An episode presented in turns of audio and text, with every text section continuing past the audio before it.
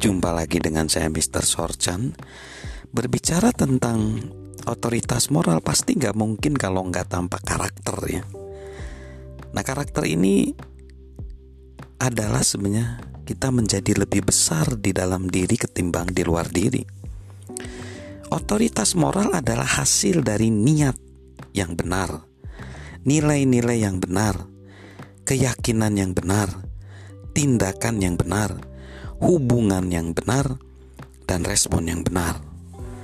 Banyak hal harus dilakukan dengan benar untuk mengembangkan otoritas moral.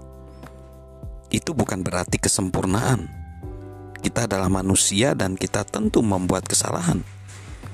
Namun untuk memiliki otoritas moral, niat kita harus benar, motif kita harus baik. Sebagian besar daripada influencer memang terlihat di luar diri, tetapi motif yang benar serta karakter yang baik untuk menjadi influencer yang memiliki wewenang moral harus dikembangkan di dalam diri. Dua aspek kepemimpi, kepem, dua aspek influencer ini di luar diri dan di dalam diri menyerupai dua pohon. Bagian yang kita lihat bagian yang kita lihat. Influencer di luar diri sama seperti batang dan cabang pohon. Bagian itulah yang menghasilkan buah. Namun, influencer di dalam diri tidak bisa dilihat sama seperti akar pohon. Jika akarnya dangkal, pohon itu tidak akan bertahan. Kemarau akan mengeringkannya, badai akan merubuhkannya. Namun jika akarnya dalam, pohon tersebut dapat tumbuh subur di hampir semua keadaan. Nah, sebagai influencer, agen perubahan, apa artinya mengembangkan akar yang dalam? Artinya berkarakter kuat. Karakter seperti apa yang harus dimiliki oleh influencer? Saya percaya karakter yang baik memperlihatkan empat karakteristik. Yang pertama, integritas. Saya mendefinisikan integritas dalam dua cara. Pertama, integritas selaras dengan nilai-nilai dan tindakan kita. Kita tahu hal-hal yang benar dan kita melakukannya. Integritas memiliki konsistensi, seperti yang kita bahas di segmen sebelumnya. Tetapi konsistensi ini khusus tentang apa yang benar dan salah, bukan hanya tentang apa yang baik dan yang terbaik. Para influencer yang me, yang ingin memiliki otoritas moral menerapkan standar perilaku yang tinggi. Definisi kedua berkaitan dengan pengambilan keputusan.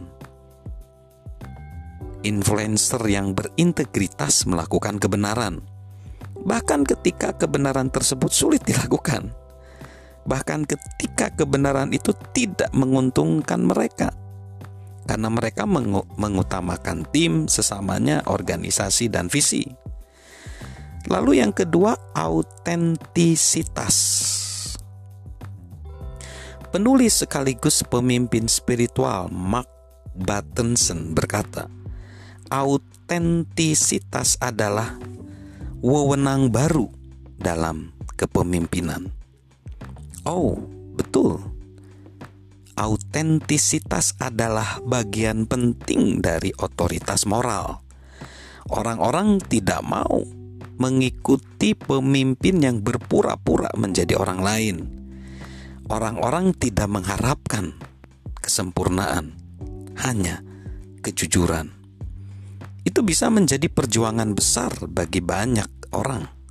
Mereka ingin memenuhi harapan orang lain sehingga dapat tergoda untuk mengompromikan keyakinan atau nilai-nilai mereka.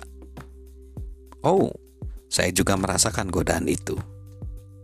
Jadi, maka kita perlu membuat statement seperti yang dibuat oleh seorang seseorang dengan statement gini. Satu, saya hanya akan mengajarkan apa yang saya yakini. Itu tentang hasrat. Dua, saya hanya akan mengajarkan apa yang saya alami. itu percaya kepercayaan diri. Tiga, saya hanya akan mengajarkan apa yang saya jalani, autentisitas. Jadi dengan komitmen itu kita jadi diri sendiri, kita jadi komunikator yang komunikator yang baik. Kita nggak perlu jadi orang lain. So perhatikan ya karakter. Nanti ada dua lagi karakteristik dari karakter. Salam berkarakter, salam sukses luar biasa dari saya Mr. Sorchan.